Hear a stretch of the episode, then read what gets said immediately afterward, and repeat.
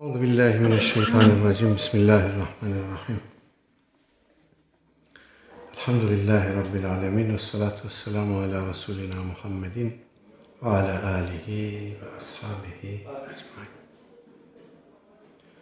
122 numaralı e, rivayette kalmışız.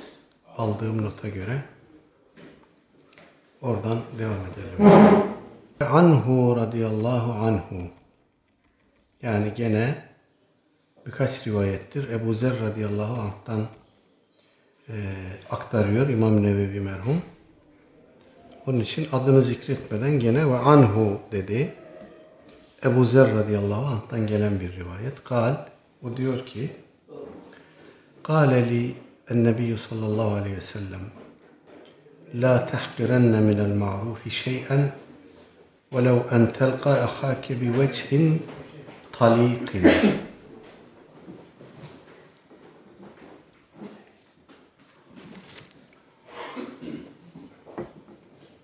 Ravahu Müslim. İmam Müslim nakletmiş. Ebu Zer radıyallahu anh diyor ki e, Nebi Ekrem sallallahu aleyhi ve sellem Efendimiz bana buyurdu ki La tahkirenne minel marufi şey'en. Maruf çerçevesine giren hiçbir şeyi küçük görme, hakir görme. وَلَوْ اَنْ تَلْقَى اَخَاكَ بِوَجْهٍ طَلِيقٍ e, din kardeşine e, din kardeşini güler yüzle karşılamak şeklinde bile olsa e, bu kadarcık bir şeyi bile küçük görme maruftandır, hakir görme. Bunun Cenab-ı Hak katında bir kıymeti, bir değeri vardır diyor yani. Ee, buradaki biveçhin talikin ifadesi bazı rivayetlerde biveçhin talkin şeklinde de gelmiş. Ee, anlam değişmiyor. Ama fi İmam Tirmizi bu rivayetin biraz daha e, tamam bir veçhini, bir varyantını naklediyor. Gene Ebu Zer radıyallahu anh'tan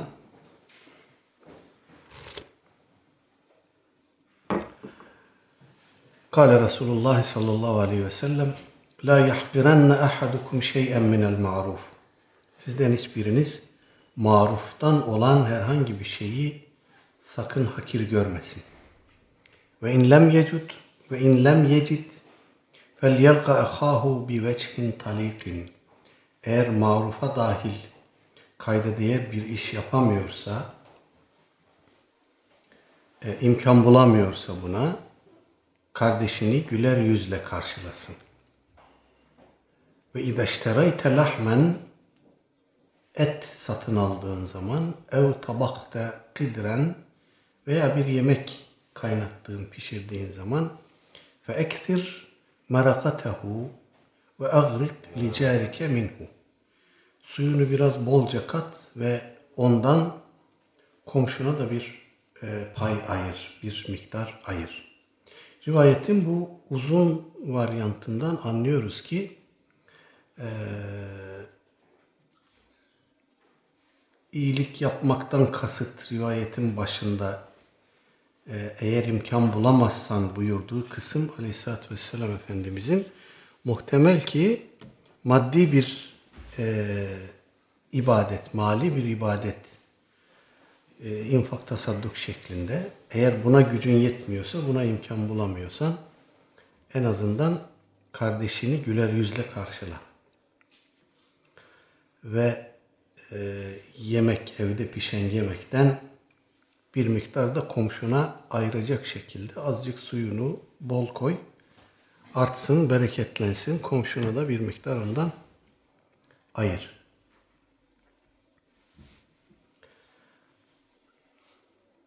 Bütün bu bahis boyunca dikkatimizi çeken bir şey var. Aleyhisselatü Vesselam Efendimiz bize bir kısım e, fiillerin sevabını, faziletini, bize kendimize e, bireysel olarak faydasını ifade buyuruyor. Bunu dikkatimize, nazarımıza veriyor ama Aynı zamanda e, birbirimizle münasebetlerimizi de burada e, ifade ediyor. En ince detaylarına kadar. Yani özellikle günümüzde komşunun yan yana, alt alta, üst üste birbirine hayli mekan olarak, fizik olarak hayli yakın yaşadığı halde dünyaları birbirinden izole edilmiş komşuların ahvalini de burada bir hatırlamakta, hatırlatmakta fayda var.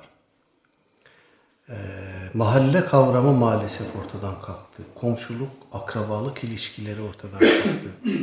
büyük ölçüde büyük şehirlerde hatta bir evin içindeki fertlerin birbiriyle münasebetleri efendim e, son derece sınırlı.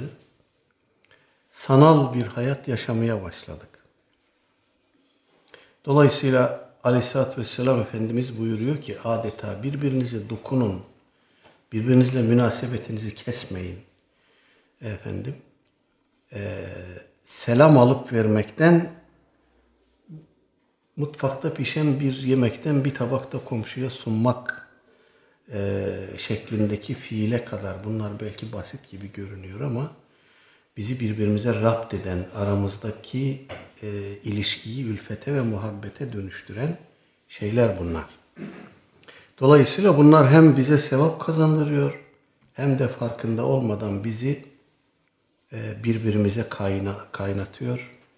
E, bir toplum, bir Müslüman ümmet yapıyor.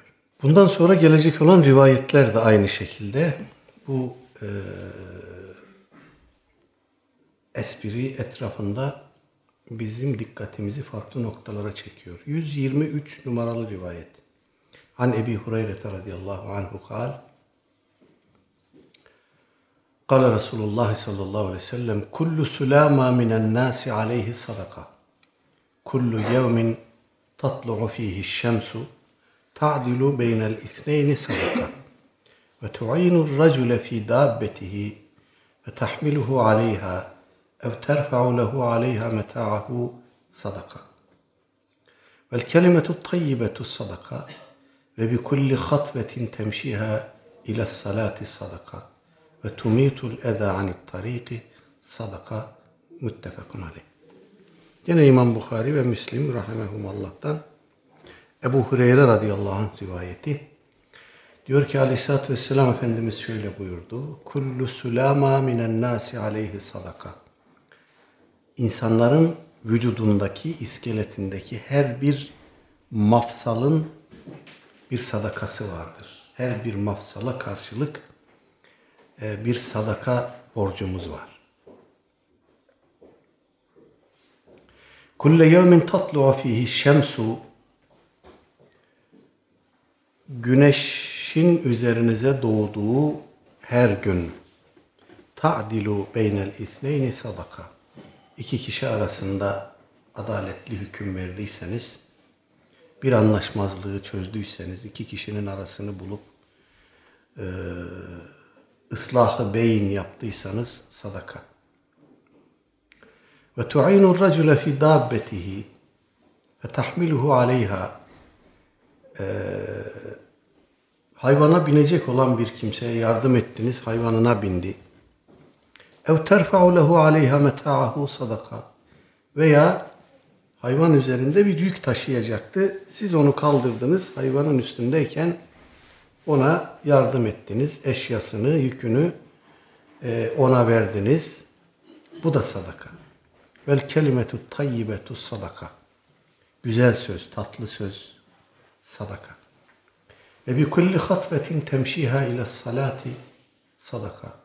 Namaz kılmak için camiye yürürken attığınız her adım sadaka.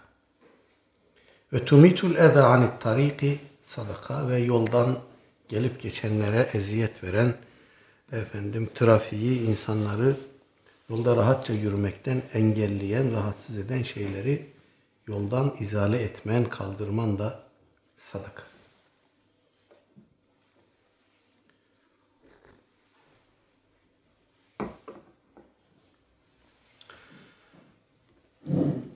Ee, yaklaşık bir asırdır, bir buçuk asırdır İslam ümmetine bir hedef gösteriyor birileri. E, çağdaş medeniyetler seviyesi, muasır medeniyetler seviyesi diye bir hedefimiz var. Oraya doğru gidiyoruz. Oraya doğru giderken bizi çağırdıkları adreste ne varsa onları da benimseyerek gidiyoruz ki onlar, e, onların ihraz ettiği seviyeyi biz de yakalamak için onlar gibi olmak zorundayız. Onlar gibi yaşamak zorundayız. Dolayısıyla medeniyet dendiğinde, medeni toplum dendiğinde, gelişmiş, ilerlemiş toplum dendiğinde aklımıza o batılı toplum formatları geliyor. İnsan ilişkileri böyle, kurumlar böyle, yöneten yönetilen ilişkileri böyle, efendim, e, birey toplum ilişkileri böyle, birey devlet ilişkileri böyle. O formatı biz de taşıyoruz bünyemize gelişme denen şeyi yakalamak ve yaşamak için. Aslında bence şöyle bir frene basıp azıcık arabayı bir kenara çekip bir durmak, bir tevakkuf etmek e, ihtiyacındayız. Gelişmişliği neyle tarif ediyoruz? Eğer böyle bir şey varsa gelişmiş toplumu hangi kriterlere bakarak belirliyoruz? Bir toplum hangi standartları yakalarsa hangi alanlarda gelişmiş toplum olur? Biz bunu bunu da gene batılılara göre yapıyoruz. Bu sorunun cevabını da batılılara göre veriyoruz. Gelişmiş toplum e, bizim kendi içimizden bize özgü bir tarif e, üzerinde e, düşünecek olursak en azından bana göre şahıs olarak gelişmiş toplum birbirine mümkün mertebe perçinlenmiş toplumdur. Bir arada yaşayan toplumdur. Sadece fizik olarak değil, ruh olarak, gönül olarak, ideal olarak, hüzünde, tasada, sevinçte birlikte paylaşan toplumdur. Güvenin hakim olduğu, emniyetin hakim olduğu toplumdur. Dayanışmanın, paylaşmanın hakim olduğu toplumdur. Bakın şimdi tarifi böyle yapınca kalktığımız noktaya bakın, geldiğimiz noktaya bakın. Gelişiyor muyuz yoksa geri mi gidiyoruz? Tarifi nasıl yaptığınıza bağlı olarak neticede değişiyor. Evet, teknolojik alanda gelişiyoruz.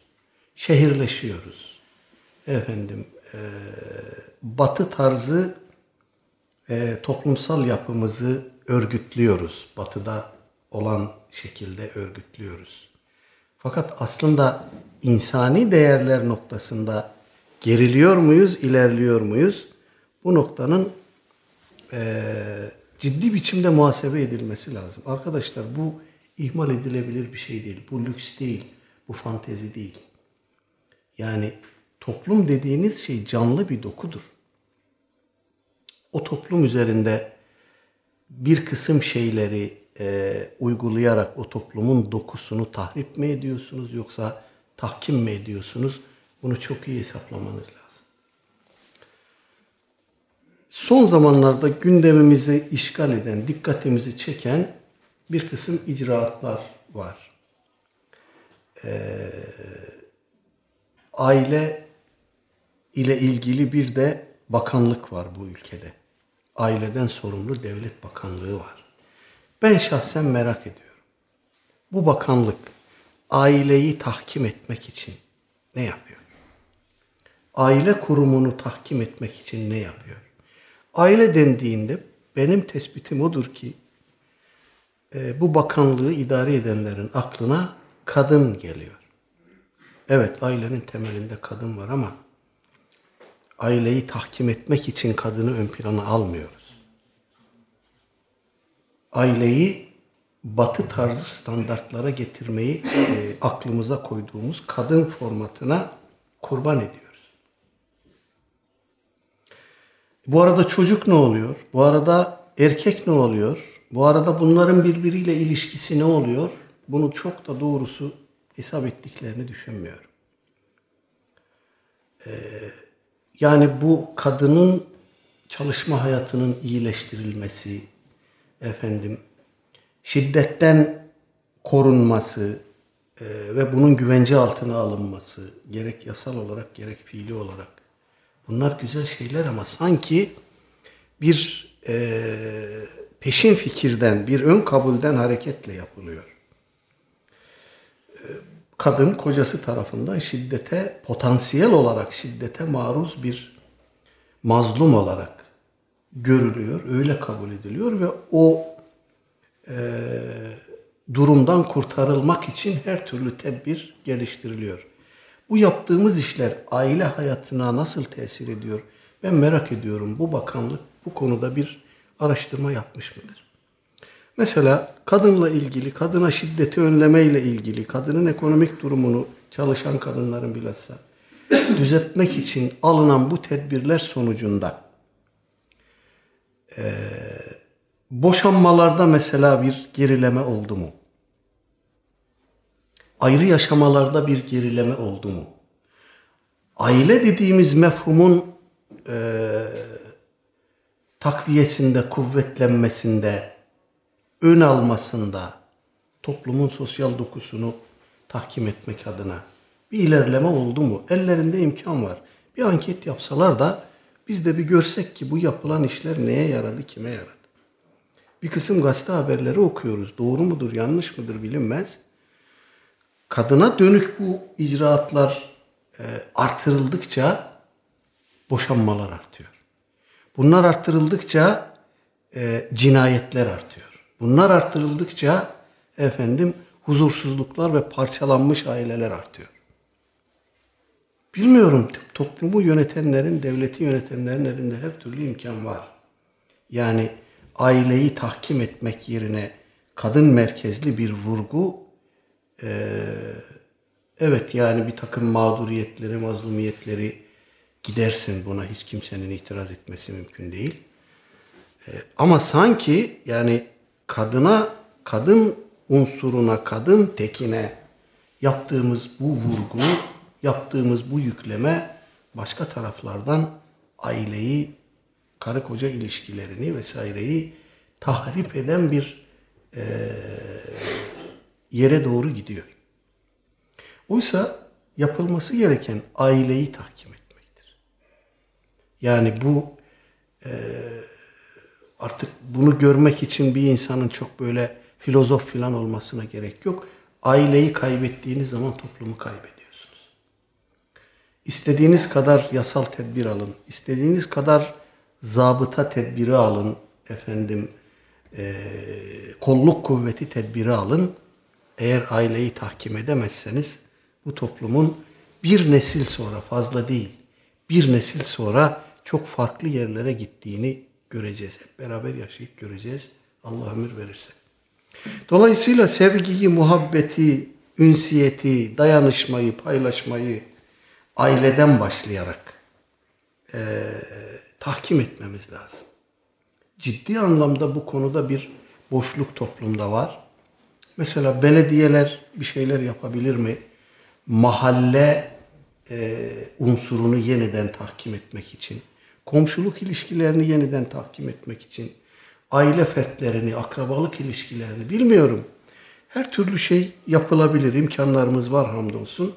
Ama sanki bu çok fazla meşguliyetimiz, işimiz, gücümüz, önemli mesailerimiz arasında aileyi, akrabayı, insanı biraz ihmal ediyoruz gibime geliyor. Böyle olunca tabii e, batılı toplumlarda gördüğümüz o e, kendi özgürlüğüne perestiş eden, dolayısıyla diğer insanlardan yalıtılmış bir hayat yaşayan yalnız bireylere doğru gidiyoruz. O, o eğer gelişmiş toplum formatı oysa bu bize lazım değil. İnsanlar analarını, babalarını efendim ee, işte bakım evlerine terk ediyorlar. Yaşlanmış insanlar e, aslında ailenin bereketidir, ailenin firasetidir, ailenin e, kalbidir, gönlüdür, sağduyusudur. Ama yaşlı insanlar batılı toplumlarda artık o huzur evlerinde, tıkıldıkları huzur evlerinde psikolojik terapilerle falan hayatta kalmaya çalışıyorlar. Buraya doğru gidiyoruz. Evet özgürlüğümüz özellikle kadın erkek ilişkilerinde e, kadına dönük bu tedbirler özgürlüğümüzü sağlıyor, belki güvenceyi alıyor filan ama öbür taraftan ilişkilerimizi tahrip ediyor. Oraya doğru gitmek doğru bir şey değil. Yani o toplumları görüyoruz, gözlüyoruz, gidip geliyoruz. Efendim, o toplumların yaşadığı acıyı, sancıyı, yıkımı görüyoruz. Yani oraya doğru gitmek zorunda değiliz. Bu toplum Müslüman bir toplum. Bu toplumun e, cevheri farklı, bu toplumun kökeni farklı, bu toplumun kodları, genleri farklı. Dolayısıyla o formatı ne olur alıp bu topluma bir kalıp gibi giydirmeye çalışmayın. Bu toplumu kendisi olarak görün. Bu toplumun kadın erkek ilişkilerini batılı normlara göre düzenlemeye çalışırsanız bir yerden patlar bu. Bir yerden patlar. Büyük şehirlerde gördüğümüz bu şey yavaş yavaş e, kırsala doğru gidiyor. Allah Teala akıbetimizi hayretsin.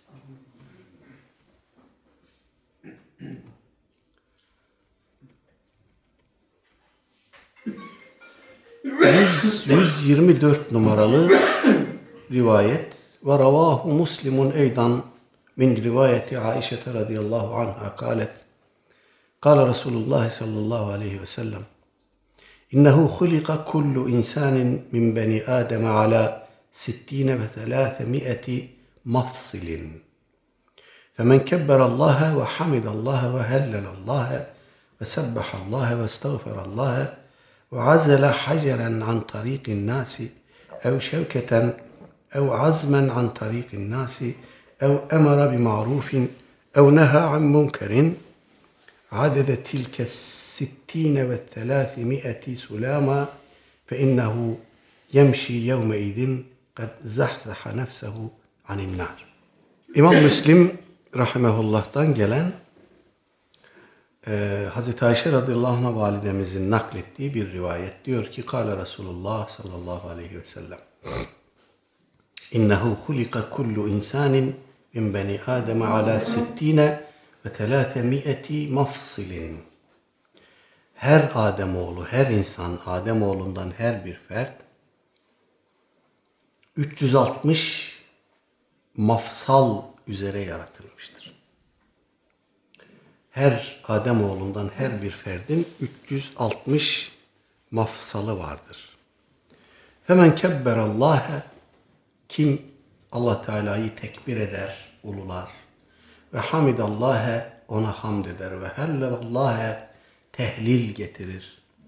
Ve sabbahallâhe onu tesbih eder. Ve estağferallâhe ona istiğfar eder ve azele haceren an tarikin nas bir taşı insanların yolunun üzerinden giderir, kaldırır, kenara atar. Ev şevketen ev azmen veya bir dikeni insanları gelip geçenleri rahatsız eden bir dikeni, bir çalıyı veya bir kemiği e, kaldırıp kenara koyan. Ev emara bir marufin veya bir marufu emreden. Ev neha an munkerin veya bir münkeri yasaklayan kişi. Adede tilke sittine ve selati mi'eti sulama bu üzerine yaratıldığı e, 360 mafsalın adedince. Ve innehu yemşi yevme idin kad zahzaha nefsehu anin nar o gün yürüdüğünde kendisini efendim cehennem ateşinden uzaklaştırmış olarak yürür gününü e, devam ettirmiş olur anlamında. Bu rivayet e, arkadaşlar enteresan bir rivayet. Üzerinde bir hayli e, tartışmalar yapılmış bir rivayet. E, Aleyhisselatü Vesselam Efendimiz burada Adem oğlunun 360 mafsal üzere yaratıldığını ifade etmiş. Efendim e, işte hadis meselesine biraz şaşı bakanlar hemen bu rivayet üzerinden işte insan iskeleti, insan anatomisi, oradaki kemiklerin sayısı vesaire üzerinden bu rivayetin de kitaplarımıza İsrailiyattan, Mesihiyattan veya gayrimüslim başka kültürlerden geçmiş olabileceğini Veya Aleyhisselatü Vesselam Efendimizin o zamanın bilgi seviyesi, kültür seviyesi e, ile mütenasip bir bilgiye sahip olarak konuştuğunu söylüyorlar. Efendim hatta e, bu konuda akademik makaleler bile yazılmış. Efendim bu rivayeti yalancı çıkartmak için bir e, ilahiyatçı bir akademisyen bir makale yazmış. Orada diyor ki anatomi uzmanlarının ulaştıkları bilimsel verilere göre insan iskeletinde doğumda yaklaşık 300 kadar. Çocuklarda 222-223 normal, ergin bir insan iskeletinde ise 206 kemik bulunmaktadır. Bu sayıya en küçük kemikler de dahildir. Yani 360 kemik ve buna ilaveten 360 sülama yani mafsal kemiklerin birbirine bitiştiği yerler. Bulunduğu bilgisi bilimsel verilere aykırıdır. Eklemler, mafsallar kemiklerin birleşme yeri olduğuna göre mantıksal olarak kemik sayısına nazaran daha az olduğu anlaşılacaktır. Bu meslektaşımız bir hadisi şerif hakkından gelmiş olmanın herhalde bir rahatlığını filan yaşamıştır bu makaleyi yazıp yayınlattıktan sonra.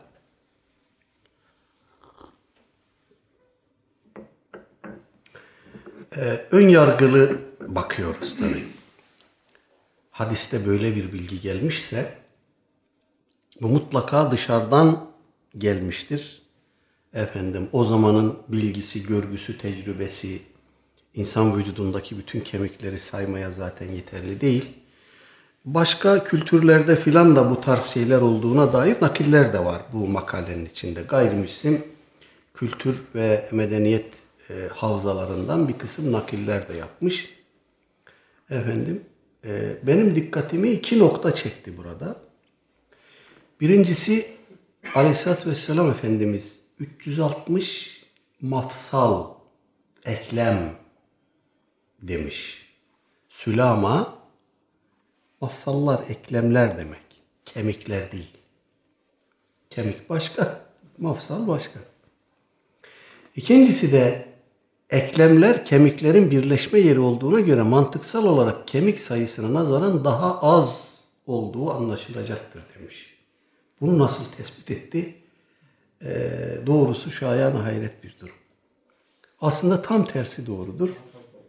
İnsanın vücudundaki kemiklerin birbirine bitiştiği yerler, mafsallar, kemik adetlerinden daha fazladır.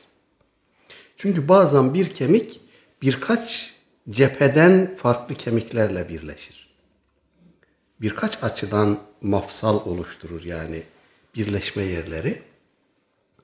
Dolayısıyla kemikler mafsallardan sayı olarak daha azdır. Üşenmedim. Ee, internetten insan elindeki kemikleri gösteren görseller indirdim böyle. Ve buradaki kemik sadece bir eldeki bu. Kemikleri ve mafsalları saydım. Sadece bu görseli esas alarak e, ulaştığım netice şöyle. Bu resimde 27 tane kemik sayılıyor. Belki hani arka planda kalmıştır, benim e, göremediğim, bilemediğim kemikler olmuştur. Ama 27, 2 artı 2 eksi 27 diyelim. Bunların eklem yerleri ise gene sayabildiğim kadarıyla 33. Özellikle şu parmakların kökünden e, itibaren buradaki her bir mafsal hem şu kemiğe birleşiyor hem yandaki kemiğe birleşiyor. Hatta şu orta parmakta zannediyorum iki parmağın kemiklerine birleşen mafsallar var. Böyle bir e, acayip bir yaratılışı var bu elimizin gerçekten. Dolayısıyla sadece bu el iskeleti üzerinde yaptığımız sayım bile ortaya koyuyor ki mafsal sayısı kemik sayısından fazla. Elbette anatomi uzmanı değilim. Böyle bir işte iddialı konuşacak kadar e, aklımı peynir ekmekle yemedim ama bu basit sayım bile ortaya koyuyor ki mafsal sayısı kemik sayısından fazla. Türkçe'de bu alanda yapılmış çalışmalar var. İnsan sayısı e, iskeletindeki mafsalların 360 olduğunu ortaya koyan tıp doktorları tarafından yazılmış e, metinler var internette bulursunuz. İnsan vücudunda kaç kemik vardır filan diye Google Hazretlerine sorarsanız orada bir sürü makale geliyor önünüze. Araplar da aynı şekilde e, bu tartışma oralarda da var tabi. Bu modern dönemin bize hediye ettiği bir şey. Oralarda da bu işler tartışılmış, konuşulmuş. Efendim o e, Arap aleminde de bu konuda yazılmış, yapılmış çalışmalar var, makaleler var. Ez cümle e, gene bir doktorun kaleme aldığı bir metne göre e, insan vücudundaki eklem sayısı, kemik değil eklem sayısı bütün olarak 86 tane kafatasında varmış eklem. 6 tane boyun bölgesinde varmış. 66 tane göğüs kafesinde, göğüs bölgesinde. 76 tane omurga, bel, kalça bölgesinde varmış. 64 tane kollarda ve ellerde, 62 tane de bacaklarda ve ayaklarda varmış. Bunun toplamı 360 ediyor. Rakamlar böyle. Burada önemli olan şu. Bir ilahiyatçı akademisyen kendisine Aleyhisselatü Vesselam Efendimiz'den nakledilmiş ve en sahih dediğimiz kaynaklarda yer bulmuş bir rivayet geldiğinde ben hemen bunun bir yalan olduğunu, tutarsız olduğunu, çelişkili olduğunu ortaya koyayım diye mi yola çıkar? Yoksa burada bir e, nebevi bir emanet var, nebevi bir tespit var. Bunu baz kabul ederek bir yola çıkayım, bakayım ne olacak diye mi hareket etmeli? Biz tam tersini yapıyoruz. Hadis kitaplarımızda gördüğümüz rivayetleri itibarsızlaştırmak için, insanların güvenlerini sarsmak için her türlü cambazlığı, her türlü marifeti sergiliyoruz maalesef. Ala külli hal aleyhissalatü vesselam Efendimiz burada bu rivayetin bağlamını dikkate aldığımızda bir bütün olarak burada bize insan anatomisinden filan bahsetmiyor. Burada bizi hayra, efendim salih amele, e, vücudumuzun hakkını vermeye teşvik ediyor. Bağlam bu. Hani Efendimiz insan vücudundaki kemikleri sayan, özellikle anatomik ya da tıbbi bir bağlam içerisinde bunu söylemiş olsa dersiniz ki bu bilgi yalan. Ama bağlam da farklı yani. Alet tenezzül şöyle diyemez misiniz? Aleyhisselatü Vesselam Efendimiz burada harcı alem bir bilgi kullandı ve bizi bir hayra sevk etti. Ee, Kur'an'da sünnette verilen rakamlar, adetler gerçekten de o sayıda olarak kabul edilmeli midir? Efendim, bu usulcüler arasında tartışılmış. Ee, mefhumul adet dediğimiz şey. İlla bu kadar mıdır, o kadar mıdır? Tartışılmış. O kadar diyenler de var ama değildir diyenler de var. Özellikle Hanefilere göre mefhumul adet e, bağlayıcı bir şey değil, illet ifade etmez. Dolayısıyla diyebiliriz ki Efendimiz kesretten kinaye olarak insan vücudundaki mafsalların sayısını, fazlalığını ifade ederek bakın bu her bir mafsal için Cenab-ı Hakk'a bir borcunuz var. Bunları şöyle şöyle şöyle şöyle yerine getirebilirsiniz buyurmuş. Ümmetini hayra teşvik etmiş. Sağlıklı yaşamanın, insan olarak yaratılmış olmanın şükrünü eda anlamında bakın vücudunuzda bu kadar mafsal var. Bu mafsallardan birisi şöyle düşünelim. Ee, bu saydığımız mafsalları üçe ayırmışlar. Oynar mafsallar var, yarı oynar mafsallar var, bir de sabit olanlar var. Bu oynarlar oynamaz olsaydı mesela. Yarı oynarlar oynamaz olsaydı veya oynamaz mafsallar, sabit mafsallar oynar olsaydı. Mesela kafatasımızdaki mafsallar sabit. O kemikler birbirine öyle bir kaynatılmış ki beynimizi orada Cenab-ı Hak özel bir mahfaza içine almış. O mafsallar oynasaydı Ne olurdu? Bir düşünün, beynin dengesini düşünün. Beynin o e, fonksiyonlarını bir düşünün. O mafsalların oynaması durumunda insanın şuuru, dengesi, algıları, iradesi heba olur gider. Efendim, oynar mafsallar oynamaz olsa ne olur? İş göremezsiniz. Dolayısıyla bunların her biri için her gün kalktığınızda vücudunuzu kullanabildiğiniz, vücudunuzdan istifade edebildiğiniz e, sürece bunların sadakasını verin, şükrünü eda edin. Bağlamında Efendimiz bir yönlendirmede bulunmuş. Bunun için bir rivayeti efendim gözden düşürmek, itibarsızlaştırmak falan gerekmez ya.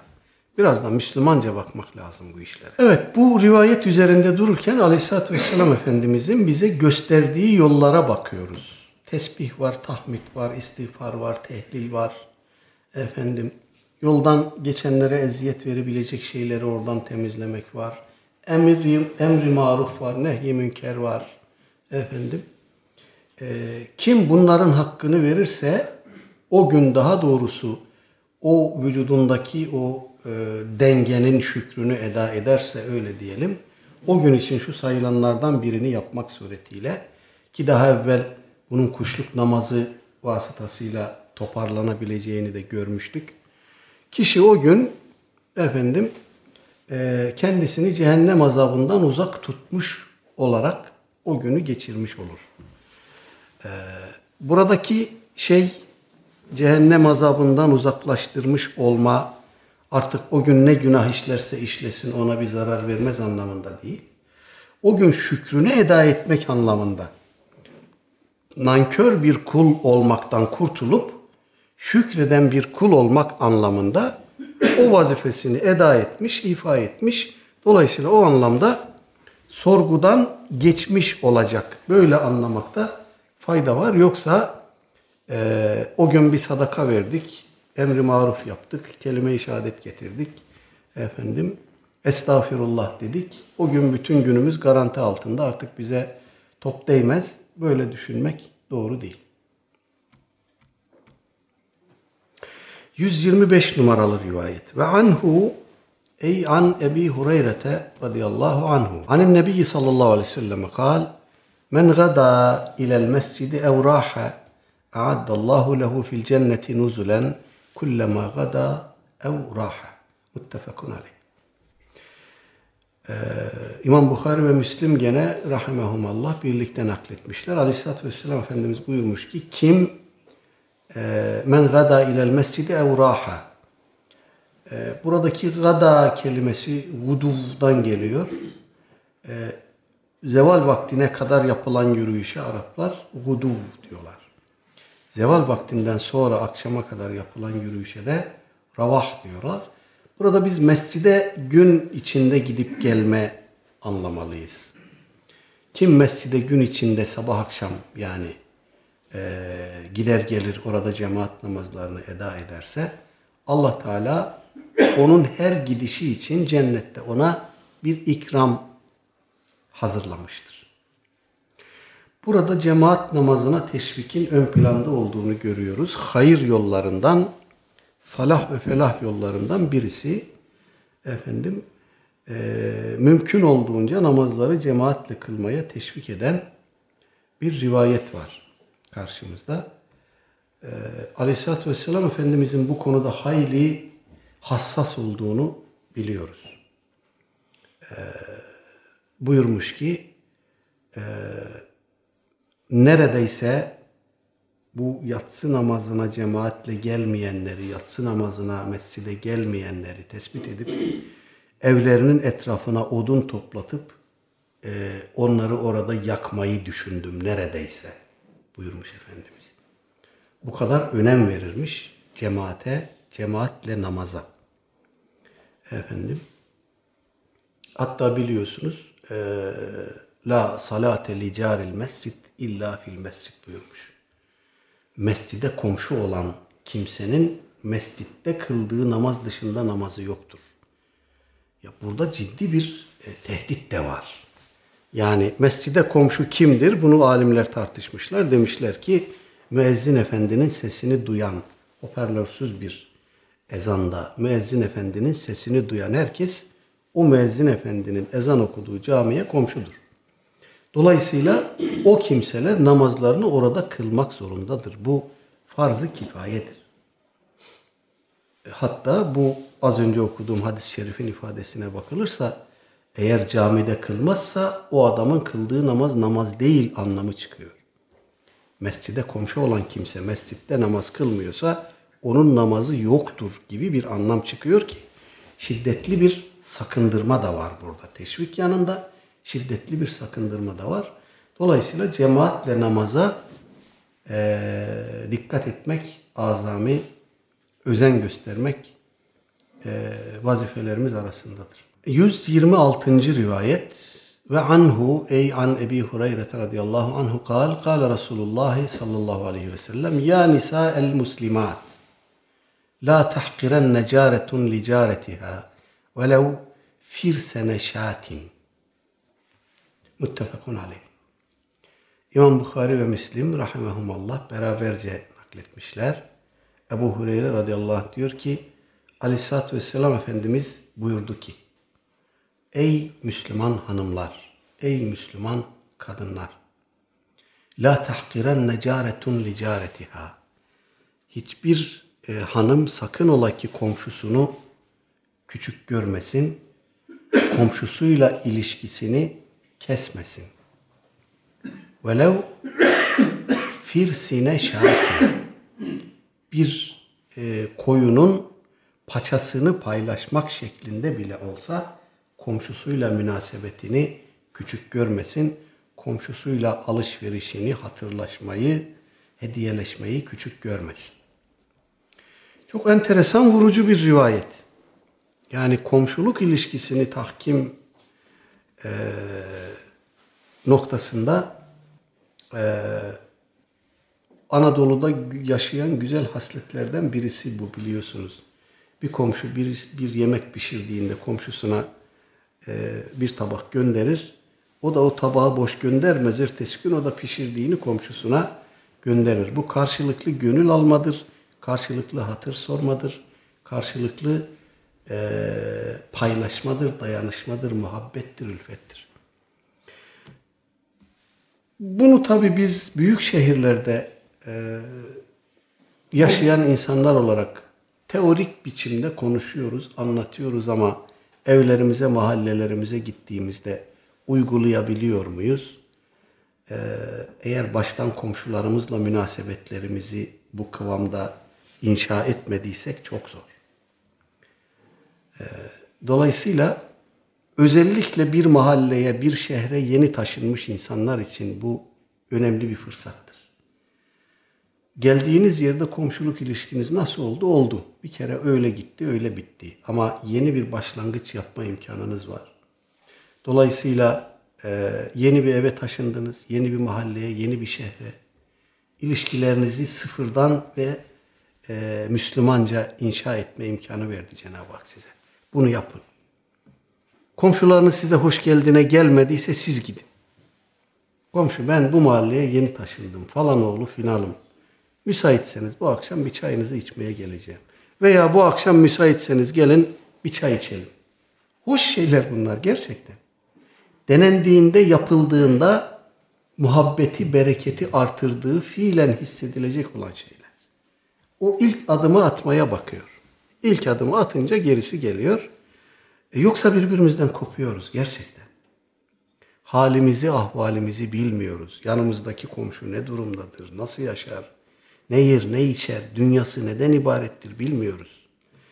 Ee, bu ilişkileri yaparken de, kurarken de hadi ben sana bir emri maruf yapayım gibi bir zihniyetle değil. Hep söylüyoruz. Tabii bir Müslüman tavrı içinde yapmak lazım. Biz zaten bu toprakların çocuklarıyız. Birbirimize altı asırdan bu yana akrabayız. Dolayısıyla küllenmiş olan ilişkilerimizin üzerindeki külübü üfürüp altındaki cevheri çıkarmak çok kolay.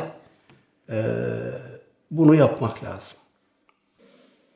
Ve anhu ey an Ebi Hureyre radıyallahu anhu anin Nebi sallallahu aleyhi ve sellem kal El imanu bid'un ve seb'une ev bid'un ve sittune şu'beten فأفضلها قول لا إله إلا الله وأدناها إماتة الأذى عن الطريق والحياء شعبة من الإيمان متفق عليه Gene İmam Bukhari ve Müslim rahimehumullah Ebu Hureyre radıyallahu anh'tan naklediyorlar. Aleyhisselatü Vesselam Efendimiz buyuruyor ki El imanu bid'un ve seb'une ev bid'un ve sittune şube. İman 70 küsür veya 60 küsür şubedir. Fe eftaluha kavlu la ilahe illallah. En eftali imanın bu şubelerinin en eftali la ilahe illallah sözüdür. Ve ednaha en düşüğü imatetul eda anit tarik yoldan gelip geçenlere eziyet veren şeylerin yoldan giderilmesi, izale edilmesidir. Vel hayâ'u şu'betun minel iman. Haya da imandan bir şubedir. Bu rivayette bir şek var. Dikkatinizi çekmiştir. El imanu bid'un ve sev'une ev bid'un ve sittune şube. Bu e, İmam Bukhari ile İmam Müslim'de rivayetin farklı lafızlarla gelmiş olmasından kaynaklanıyor. İmam Bukhari El imamu bid'un ve sittune şube lafzını nakletmiş. Yani 60 küsür şube. Ee, 70 küsürü de İmam Müslim nakletmiş. Bir farklılık daha var, ciddi bir farklılık daha var. İmam Bukhari'nin nakli sadece şöyle. El imanu bid'un ve sittune şube vel haya'u şubetun minel iman. İman 70 küsür şubedir. Haya da imandan bir şubedir.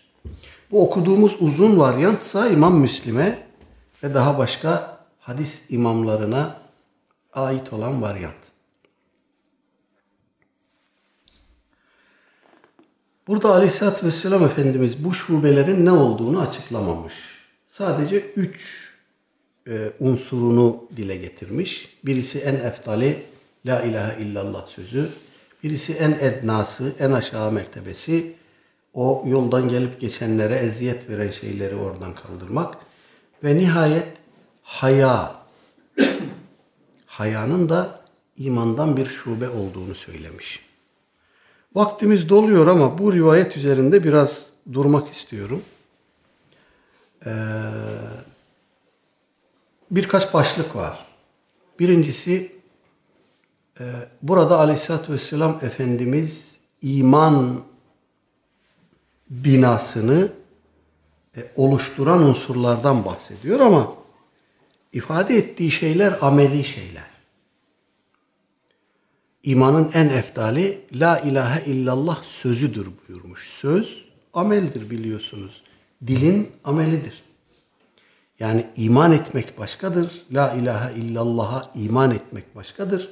Bunu söylemek başkadır. Efendimiz burada bir ameli dile getirmiş.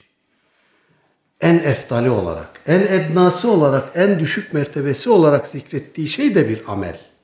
O da ameli bir husus. Ee, ve nihayet haya. Haya da kalbin amelidir. Kalbi bir tutumdur. Dolayısıyla ameli bir şeylerden bahsediyoruz burada sanki. Buradan hareketle bir kısım insanlar, bir kısım fırkalar tarih içerisinde e, amel çerçevesine giren her şeyin imana dahil olduğunu söylemişler. Dolayısıyla imanı şöyle tarif etmişler. İman kalp ile tasdik, dil ile ikrar ve azalarla ameldir. Böyle tarif edince imanı kişinin azalarıyla yapmakla mükellef olduğu amellerden herhangi bir şey eksik olduğunda, yanlış olduğunda kişinin imanına, imanının aslına, özüne dokunan bir şey oluyor bu. İma, ameli eksik olan kişinin imanı da eksik oluyor. Amelde bir kusur işleyen imanı zayıflatmış veya kaybetmiş oluyor. Bu arızanın tarih içinde tebellür ettiği en önemli alan haricilerin iddialarıdır. Hariciler imanla ameli bir saydılar. Birbirinden hiçbir bakımdan ayırmadılar. Dolayısıyla eee amelinde bir kusur, eksiklik bulunan insanın aynı zamanda imanında bir kusur, eksiklik bulunduğunu söylediler. Bilhassa bu büyük günah işleyen kişinin akıbeti durumu meselesinde dikkatimizi çekiyor. Büyük günah işleyen bir kimse haricilere göre dinden tamamen çıkıyor ve kafir oluyor. Oysa işlediği şey bir ameldir e, bir fiildir daha doğrusu. O işlediği fiilden do- dolayı amelini, e, imanını kaybediyor. imanından oluyor. Direkt kafir oluyor. Mutezile de buna yakın bir şey söylemiş. O da demiş ki büyük günah işleyen kimse dinden çıkar ama kafir olmaz. İmanla küfür arasında bir yerde durur. İki menzile arasında bir menzile, iki nokta arasında bir nokta. Orada durur ama ahirette nereye gider? Cehenneme gider. Ehli sünnet e, içerisinde de imanı bu şekilde tarif edenler var. Ee, Hanefiler dışındaki hemen bütün ehli sünnet kesimler imanı böyle tarif ediyorlar. İman e, kalbin tasdiki, dilin ikrarı ve azaların amelidir. Dolayısıyla artar ve eksilir. Amel eksildikçe iman da eksilir. Amel arttıkça iman da artar derler. Hanefilerse derler ki iman başka şeydir, amel başka şeydir. Ee, iman kalbin fiilidir, bir tasdikten ibarettir. Kalp tasdik ederse kişi mümindir. Ee, amellerinde bir eksiklik olursa günahkar mümindir amellerinde kemal olursa müttaki mümindir. Ama mümindir. Yeter ki kendisini iman çerçevesine sokan hususlardan herhangi bir şeyi inkar etmesin ya da işlediği bir haramı helal saymasın. Bu takdirde Allah korusun zaten ittifakla dinden çıkar. Fakat pratikte görüyoruz ki bu ehli sünnet içi ihtilaf gibi görünen bu alanın semerelerine baktığımızda yani neticede nereye gidiyor bu ihtilaf? Nasıl bir pratik koyuyor önümüze diye baktığımızda çok fazla bir ihtilaf görmüyoruz. Gerek ehli hadis, gerek şafiler, gerek e, diğerleri e, amelinde bir kusur olan kimsenin imanını kaybettiğini filan söylemiyorlar. Hatta büyük günah işleyerek ölmüş kimsenin dinden çıktığını söylemiyorlar. Günahını helal saymadıkça. Tarih içinde hiç görmedik, bilmiyoruz, okumadık. Büyük günah işleyen bir kimse Müslüman kabristanına değil de başka bir yere defnedilsin. Bir mürtet muamelesi görsün mesela. Büyük günah işleyen kimse. Hiç böyle bir şey görmüyoruz. Onun da cenaze namazı kılınıyor, yıkanıyor, kefenleniyor. Müslüman kabristanına defnediliyor. Burada dikkat etmemiz gereken husus Allahu alem şu. Ee, amelleri küçümsemeyeceğiz. Amellerin imanla hiçbir bağlantısı olmadığını düşünmek doğru değil. O Hanefiler için de böyle, diğerleri için de böyle. Amelle iman arasında bir doğrusal bir ilişki vardır. Amel imanı takviye eden bir şeydir. Amel arttıkça, amel kemal buldukça iman da kişiye e, tesiri noktasında olsun, Cenab-ı Hak katındaki makbuliyeti noktasında olsun, kemal noktasına ulaşır. Ameller zayıfladıkça iman da zayıflar. Dolayısıyla bu ihtilafın adeta lafsi bir ihtilaf olduğunu söylememiz mümkündür. Hanefiler ameli hiç e, önemsiz bir şey olarak görmemişler. Diğerleri de ameli imanın aslından, rükünlerinden saymamışlar. Öyle olsa ameldeki bir kusur imana raci olur, kişi imanından olur. Allah korusun. İkinci bir hususa kısaca değinip bağlayayım. Aleyhisselatü Vesselam Efendimiz burada dikkat ettiyseniz vel hayâ'u şu'betun minel iman buyurdu. İmanın şu kadar şubesi var. O şubeyi vaktimiz olsa ana hatlarıyla ulema bunlardan bu şu Abul İman başlığıyla yazdığı kitaplarda bunları tasnif etmiş. O 70 küsüre ulaştırmış. Onları sayardım. Hep beraber bilgilenmiş olurduk ama vaktimiz doldu.